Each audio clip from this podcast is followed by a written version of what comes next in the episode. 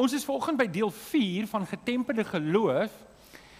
En ehm um, ek wil begin met hierdie versie in 1 Korintiërs 2 vers 2 wat sê Ek het my voorgenem, dis Paulus wat praat, hy sê ek het my voorgenem om met julle oor niks anders te praat nie as oor Jesus die Christus en wel oor hom as die gekruisigde.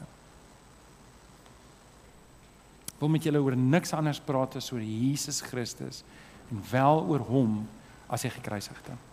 Die volgende vers sit eintlik alles bietjie duideliker in konteks. Hy kom nou nou. Volgens wil ek met jou praat oor hierdie onderwerp wat 'n moeilike onderwerp is en 'n belangrike onderwerp is. Die vraag is: is Jesus die enigste weg? Is Jesus die enigste manier om in die hemel te kom? Dis die vraag wat ons vanoggend vra en ek wil dit 'n bietjie vanoggend antwoord. Ek wil die vraag 'n bietjie uitpak vanoggend om te vra. Luister, kan ons sê die Christelike geloof is so eksklusief dat net Jesus werklik kan red? Is Jesus werklik werklik die enigste weg? Nou ek het julle al vertel, ek het met 'n ou gepraat wat 'n doktorsgraad in teologie het. Ek het saam met hom in 2008 gaan middagete eet in Stellenbosch, um, want hy het 'n gemeente geplant wat in 'n skoolsaal was en hulle was so 1000 mense. En toe wil ek by hom hoor, hoe doen julle dit? Hoe hou julle kerk? Maar toe vinnig gaan die gesprek in 'n teologiese rigting en ek kom toe agter in sy kop is Jesus nie die enigste weg nie en ek vra hom toe reguit, maar Jesus is die enigste weg. Wat sê jy? En hy sê vir my toe hierdie woorde. Jesus is jou enigste weg. En um, en daat ek besef, luister, nie almal dink dieselfde nie en ons moet hierdie ding vir mekaar sê, maar dit mag wees dat jy dalk op 'n ander plek is en ek hoop dat die Here vir my help om guns by jou te kry om hierdie boodskap mooi oor te dra, want hierdie kan dalk 'n struikelblok vir jou wees. En en hier sit 'n paar mense vanoggend hier en jy dalk vriende, jy het familie, jy dalk kinders wat Jesus werklike struikelblok voor is. Um in 1 Korintiërs 1:23 tot 24 skryf Paulus hy sê ons verkondig Christus wat gekruisig is vir die Jode is dit 'n aanstoot en vir die vir die vir die um vir die ander is dit onsin maar vir die wat deur God geroep is Jood sowel as Griek is Christus die krag van God en die wysheid van God. Wie kan amen sê daarop? Um Paulus haal in uh, Romeine 9 Jesaja aan in Romeine 9 vers 33 haal hy vir Jesaja aan en is God wat praat en hy sê kyk ek sit in Sion 'n klip neer waaroor 'n mens struikel 'n rots waarteen jy jou stamp maar wie in hom glo sal nie Hy sal nie teleurgestel word nie. En hierdie is die belangrike ding wat ek en jy moet vanoggend weet. Ek en jy kan vanoggend in Jesus glo. Ons kan vanoggend Jesus verwerp, maar ons kan hom nie ignoreer nie. En hier is die ding, ons moet kyk wat sê die Bybel oor Jesus en dan moet ons sê aanvaar ek dit of verwerp ek dit. Maar hier's 'n belangrike ding. As ek my eie weergawe van Christendom opmaak, dan moet ek dan maar baie seker wees van my saak. Want as ek my eie weergawe van Christendom het wat nie gewortel is in die woord nie, dan gaan ek verantwoordelik moet doen daarvoor. En as my as julle leraar moet ek julle hierdie goeters uitwys en ons moet as gemeente 'n pad stap. So volgens is 'n bietjie van 'n ander tipe boodskap. Wel, hierdie hele reeks was 'n ander tipe reeks en uh dit was nie vir my die maklikste reeks nie. Hierdie is nie my tipiese goed wat ek preek nie, maar ek dink dit is nodig. Stem julle saam? OK, so, kom ons aan vir die vraag. Is Jesus die enigste weg? Is Jesus die enigste manier om in die hemel te kom? OK, ja, ek hou van die duidelike ja. Nou kom ons staan op en ons praat saam want ons gaan in die Bybel ingrawe, ons gaan kyk wat sê die Bybel daaroor, wat het die Bybel te sê oor Jesus en ek hoop vanoggend dat jy iets gaan hê om 'n antwoord te gee vir mense wat jou vra. So staan saam met my op, hou jou Bybel lekker hoog in die lug, sê saam met my, dit is my Bybel. Ek is wat dit sê ek is. Ek het wat dit sê ek het. Ek kan doen wat dit sê ek kan doen. Met my mond bely ek met my hart glo ek dat Jesus die Here is. Amen. Amen. Baie dankie. Jy kan jou sitplek inneem. Jy kan jou Bybel vanoggend oopmaak by Johannes 14. Johannes 14 en ons gaan 'n paar verse lees vanaf vers 1. Johannes 14 vanaf vers 1. En uh, terwyl jy blaai, wil ek net vir almal sê welkom aanlyn. Is altyd lekker om in julle huis te wees. Is altyd lekker om deel te wees van waar jy is. En ek weet 'n klomp mense kyk later en uh, mag die Here ook vir jou seën vir oggend dat Jesus nie vir jou 'n struikelblok is nie, maar dat Jesus ook vir jou die weg is na die Vader en vir die ewige lewe. So Johannes 14 vanaf vers 1 tot 7. Lees ons. Julle moenie ontstel wees nie. Jesus is besig om met sy disippels te praat. Hy het nou vir hulle gesê hy gaan hy het, hy het begin aankondig dat hy doodgemaak gaan word en die disippels het nie daarvan gehou nie. Hulle sê: "Wag, wag. Here, wat sê jy nou? Ons het verwag jy gaan 'n aardse koning wees. Nou sê jy jy gaan doodgaan. Hoe hoe werk hierdie goed?" En en Jesus sê vir hulle: "Julle moenie ontstel wees nie. Glo in God, glo ook in my, want in die huis van my Vader is daar baie woonplek." Natuurlik is Jesus besig om te praat hier van die hemel en hy sê: "En as dit nie so was nie, sou ek nie vir julle gesê het ek gaan om vir julle plek gereed te maak nie. En as ek gegaan het en vir julle plek gereed gemaak het, kom ek terug en sal ek julle na my toe neem sodat julle kan weet waar ek is en julle ken die weg en die plek waarheen ek gaan. Thomas sê toe vir hom: "Here, ons weet nie waarheen jy gaan nie. Hoe kan ons dan die weg, hoe kan ons hoe ehm um, hoe kan ons dan die weg daarheen ken?" En Jesus het vir hom gesê: "Ek is die weg en die waarheid en die lewe." En nou wil ek julle moet daai stukkie saam met my lees, hardop lees. 1 2 3. Niemand? En dan vers 7: As julle my ken, sal julle die Vader ook ken en van nou af ken julle hom en sal julle sien julle hom. Nou oké. Okay. Hierdie is belangrike verse want Jesus sê 'n paar belangrike goed hierso.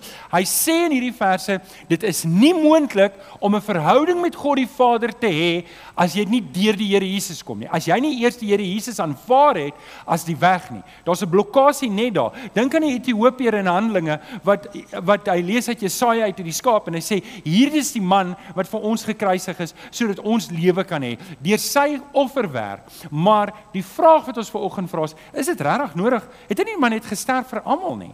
Hoe wat moet ons nou doen? En en hieroor wil ek 'n bietjie ver oggend praat met julle oor en ek hoop julle gaan saam tot die gevolgtrekking kom. Jesus is die enigste weg en hy is die enigste manier om in die hemel te kom. So die kort antwoord het ons reeds gehad. Kom ons vra net weer die vraag: Is Jesus die enigste weg na die Vader? Ja. ja. En um, hier's vier redes. Hier's vier redes wat ons uit die skrif uitgehaal. Is jy gereed om te skryf? OK, hou julle penne reg, jou raamwerk op die bank. Kom ons kyk na die vier redes wat in die skrif staan. Is Jesus die enigste weg? Ja, want Jesus is God se plan en jy sal sien, ek gaan elke keer skryf in die in in die hede, nie in die verlede nie, want Jesus is nog steeds God se plan. Die plan het nie verander nie. God het nie verander nie. God se plan het nie verander nie. Jesus Christus is nog altyd God se plan vir my en jou om by hom uit te kom. Nou kom ons kyk wat sê die Bybel in Handelinge 4 vers 12 en ek wil hê julle moet hierdie lees. Ons het hierdie al verwys na in die eerste 2 of die eerste 3 van die van van die dele van hierdie reeks. Ehm um, wat Petrus praat en hy sê, "Hy, dis Jesus, bring die verlossing en niemand anders nie. Daar is geen ander naam op die aarde aan die mense gegee waardeur God wil hê ons moet verlos word nie. En hierdie is 'n belangrike vers. Dis nie ons wat dit sê nie. Dis die skrif wat dit sê. Die Bybel leer ons geen ander naam. Sê gou-gou geen ander naam.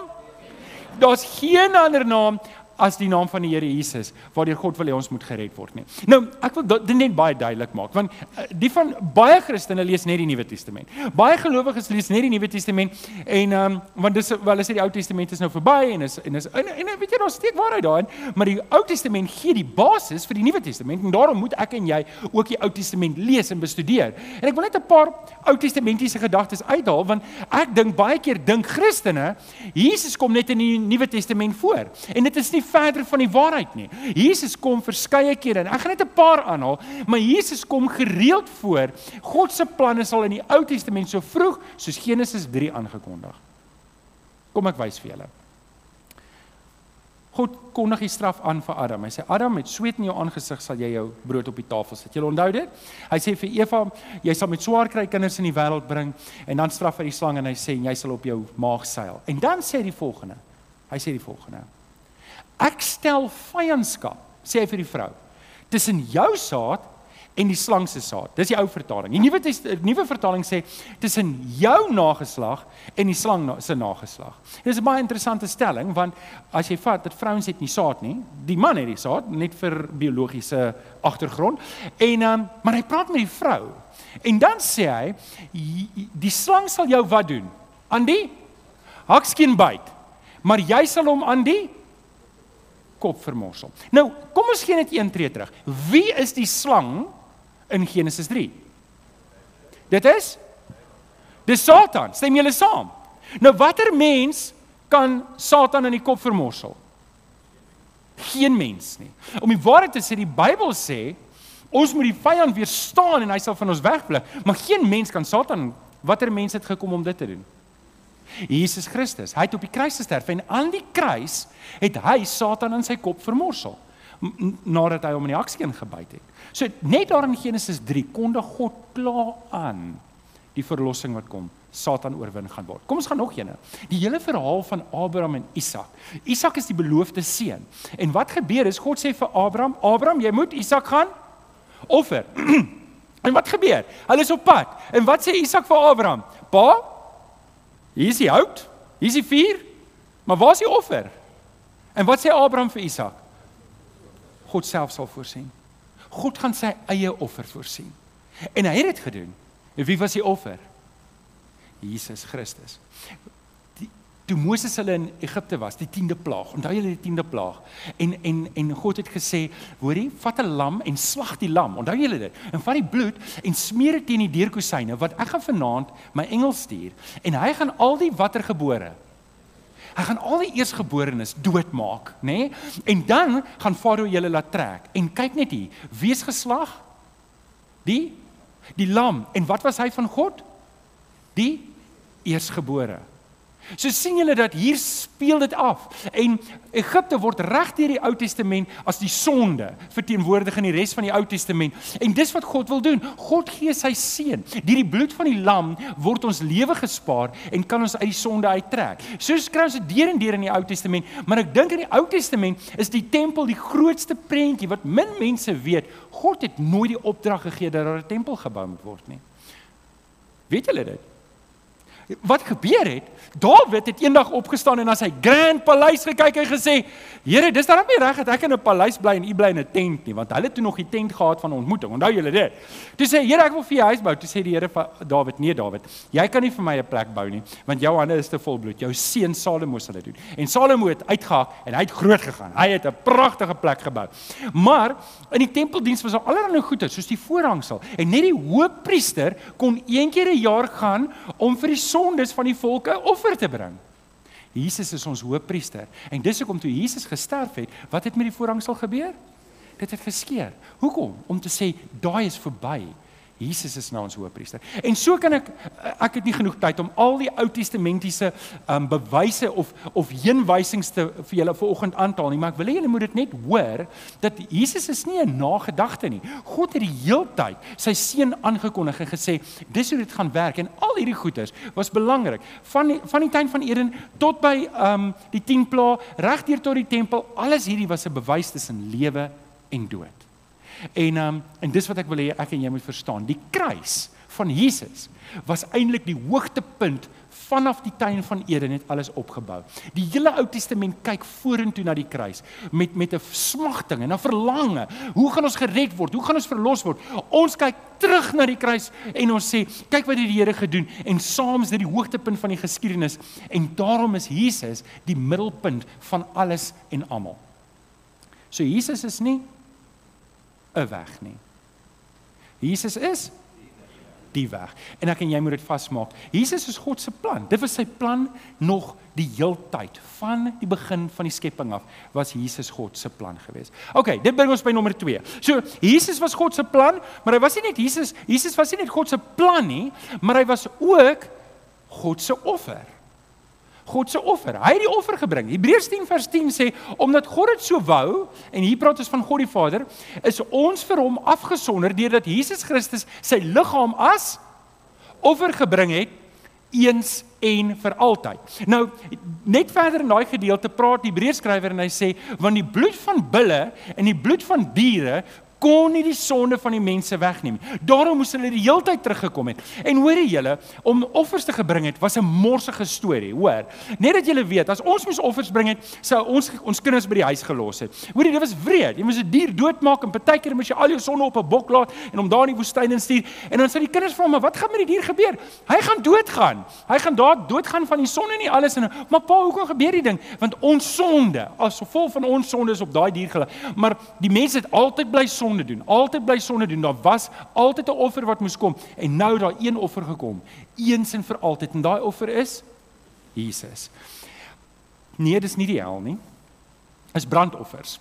Meeste offers, meeste offers was gebring na die tempel toe en die leviete kon deelneem daaraan. So party offers kon kon jy by die offer bring, ook eet saam met die priesters. Ander offers moes die volk saam eet en dan maar meeste ander offers het jy meel en goed gebring of jou koring en goed gebring en dan was dit geoffer, maar dit was eintlik vir die leviete gegee sodat hulle dit kan eet en dit het hulle aan die gang gehou. So jy het want, want God eet mos nie die goed nie, hy het dit nie nodig nie, maar hy het gebring om die tempeldiens in die gang te hou so die leviete kon die grond besit het nie. Hulle mag net um net gewerk het in die tempel. Wat julle ook nie weet nie is leviete en priesters het afgetree op raai watter ouderdom? 55.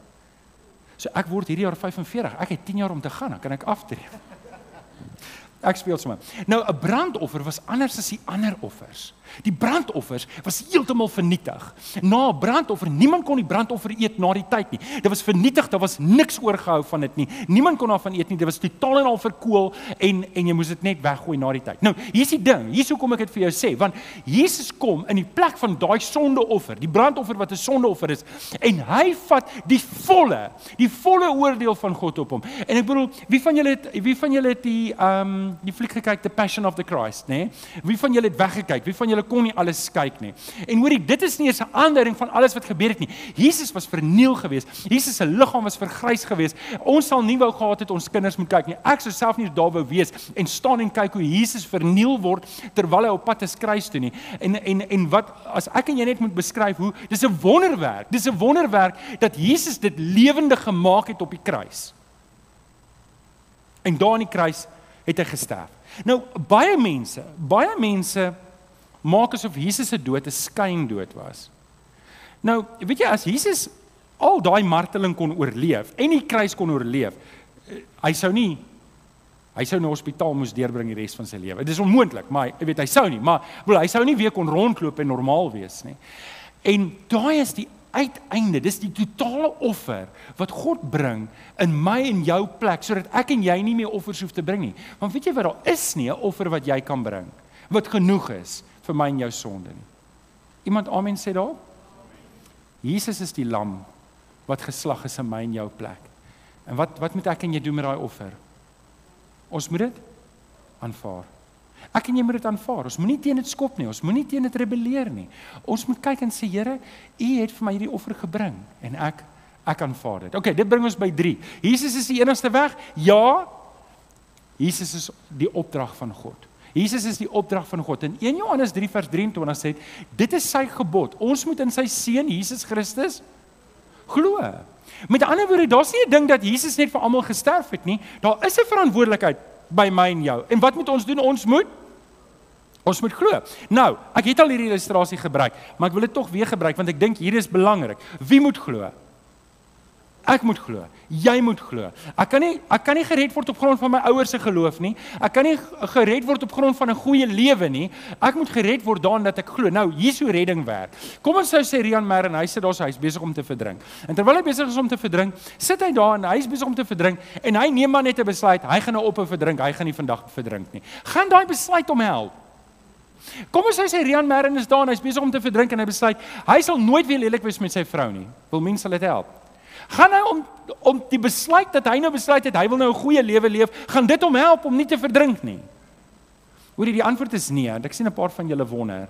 OK, die antwoord is nee, dit gaan dit gaan geen verskil maak nie. Hy gaan so daar's net een manier hoe Rian gered kan word en dit is iemand moet vir hom 'n reddingsboei uitgooi. Nou daai reddingsboei het God uitgegooi. Dis sy offer. Dis Jesus Christus wat hy uitgegooi het. Maar wat moet Rian doen? Hy moet daai reddingsboei aangryp. Hy moet dit aangryp. So, luister, wie die groter aandeel? Die een wat die reddingsboei uitgooi of die een wat die ding gryp? Die een wat dit uitgooi. Die een wat dit uitgooi. Sy aandeel is klein. Hy moet net gryp en vashou. Net soos my en jou aandeel in God se werk in ons baie klein, amper weglaatbaar klein. Maar as ek nie my geloof op die tafel sit nie, gaan ek nie gered word nie. En dis belangrik. My geloof is nie net in dat daar 'n God is en dat daar 'n seun is en dat Jesus wel gesterf het nie.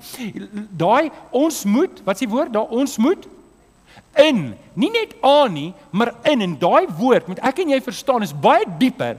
Dit is 'n aangryp soos wat Rian aan daai ding sal vashou en nog stik aan die water wat in sy longe was terwyl hy uitgetrek word, daai inglo, vasgryp, aanhou om te weet nou hou ek vas. En iemand wat al amper verdrink het, sal verstaan hoe dit wees. Daai benoudheid, daai moedeloosheid, daai gespartel en wit Die dood is besig om te kom. En die van ons wat hier sit, wat so gered is as te ware uit die vuur uit gepluk is, ons hou vas aan die Here Jesus, want ons weet ons is in die moeilikheid as ons laat gaan.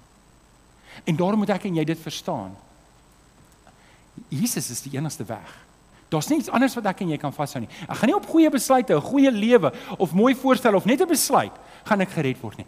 Ek moet Jesus Christus aangryp. Romeine 10 vers 9: As jy met jou mond bely dat Jesus die Here is en met jou hart glo dat God hom uit die dood uit opgewek het, sal jy gered word. Daar is nie 'n ander naam nie. Daar is net nie 'n ander naam nie. So is Jesus die enigste weg?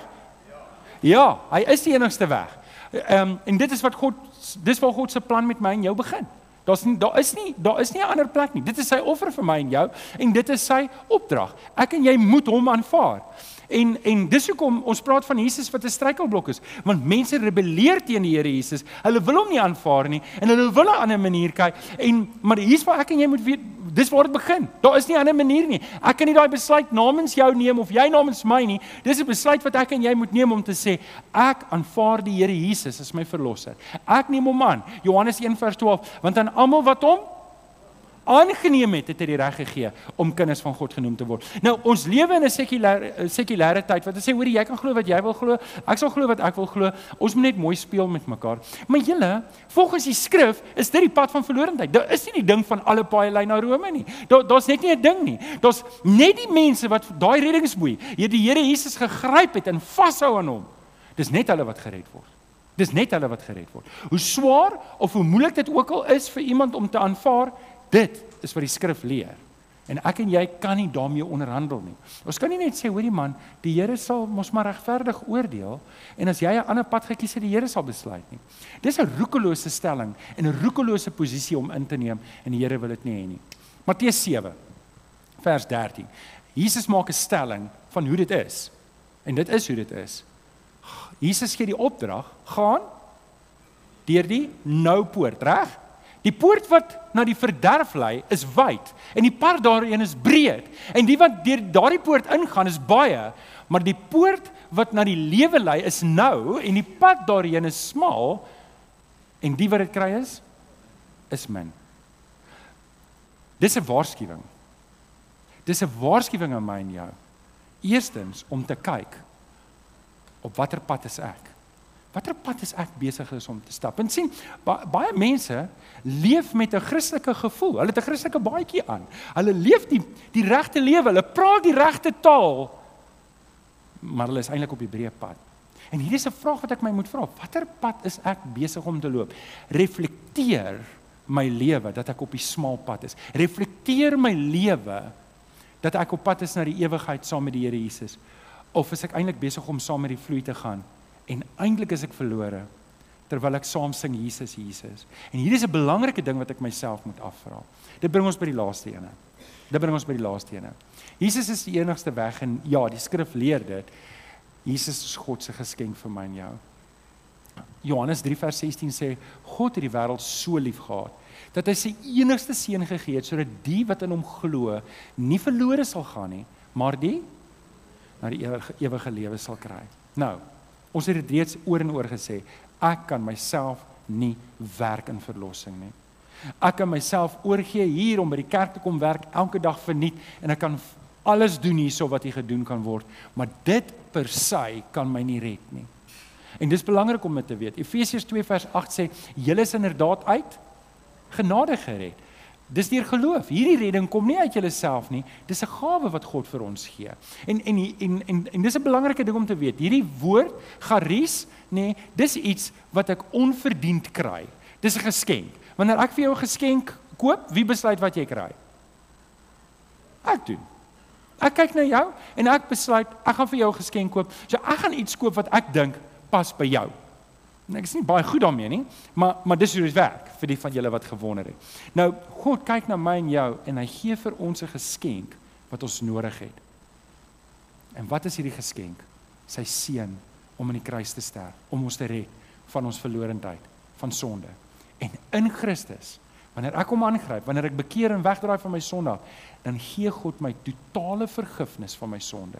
En hy was my skoon en hy maak my sy kind. En dis die grootste geskenk wat enige mens kan kry dat ek nie enige boetwerk hoef te doen.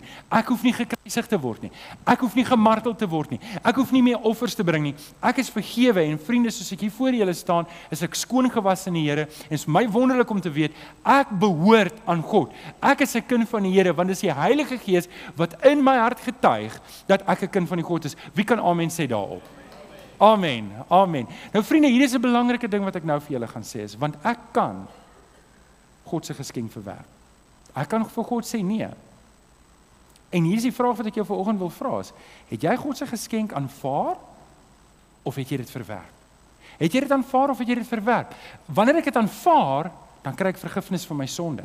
Wanneer ek dit aanvaar, dan word ek 'n kind van God, van die Allerhoogste. Wanneer ek God se geskenk aanvaar, wanneer ek die Here Jesus aanvaar, dan kry ek 'n lewendige verhouding met die Here en ek kry hierdie lewe in oorvloed waarvan Johannes 10 vers 10 praat en ek kry die ewige lewe. Maar wanneer ek dit verwerp, wanneer ek dit verwerp, nie net aktief deur om te sê nee wat ek wil dit nie hê nie, maar deur my leefstyl, deur om net aan te gaan soos my ou lewe en en Romeine 6 praat daarvan. Hy sê, "Hoe kan ek nog voortlewe in my ou lewe. Ek wys mos daarmee dat ek God se geskenk nooit aanvaar het nie. Ek wys mos daarmee dat my lewe eintlik verlore is. En hier is 'n belangrike ding, wanneer ek God se geskenk verwerp, verwerp ek sy vergifnis. Ek verwerp sy kunskap. Ek verwerp 'n lewendige verhouding met hom. Ek verwerp 'n lewe wat ek in Christus kry en ek verwerp die ewige lewe wat beteken ek gaan die ewigheid, die ewigheid spandeer sonder God en ek glo dat die hel werklik bestaan. En dis 'n verskriklike plek om te wees. En nou is ek 'n vraag wat ek jou wil vra en hiermee gaan ek nou afsluit. Kenneth, jy kan regkry om op te kom. Het jy al God se geskenk aanvaar? Het jy al op 'n plek gekom wat jy in jou hart oortuig is Jesus is die enigste weg En sonder Jesus is jy werklik verlore. In Handelinge 4 vers 12 het ons gesê hy bring die verlossing en niemand anders nie. Daar is geen ander naam op die aarde gegee waarby God wil hê 'n mens moet verlos word nie. Het jy al hierdie naam aangegryp? Die naam bo alle name, die Alfa en die Omega. Ons Here Jesus Christus, die een wat red, die een wat dieselfde is vandag, gister en môre dieselfde sal wees. Het jy dit al gedoen? In Romeine 9 en dis die laaste vers wat ek lees, vers 33 lees ons. Paulus skryf, ons begin daarmee kyk. Ek sit 'n klip in Sion neer waaroor mense sal struikel. En ek sien dit vandag wanneer die evangelie verkondig, dan is mense aggressief wanneer jy sê Jesus is die enigste weg. Hulle verwerp dit, hulle struikel daaroor. Jesus is 'n rots waarteen mense hulle stamp. Ek wil vir jou vanoggend vra. Ek wil vir jou vra. Hy sê maar wie in hom glo, sal nie sal nie teleurgestel word nie. Vriende, ek weet nie waar jy ver oggend is nie. Maar my gebed is ver oggend dat jy in jou hart sal sê, ek wil ophou om my kop te stamp teen die Here Jesus. Ek wil ophou om te struikel oor hom. Ek wil 'n oorgawe maak en ek wil my geloof in hom stel want ek weet dan sal ek nie teleurgestel word nie. Ek gaan 'n gebed nou doen en as dit jy is vir oggend, wil ek jou 'n kans gee om 'n gebed te doen om te sê Here, ek het genoeg gerebelleer. Ek het genoeg opgestaan teen U wil. Ja, ek sê vir mense ek is gered. Maar Vader, wanneer ek kyk na my lewe, is daar geen bewys dat ek U kind is nie. Dan is vir oggend jou kans om te sê Here, ek is jammer. Ek is jammer vir my oortredings. Ek wil U hê.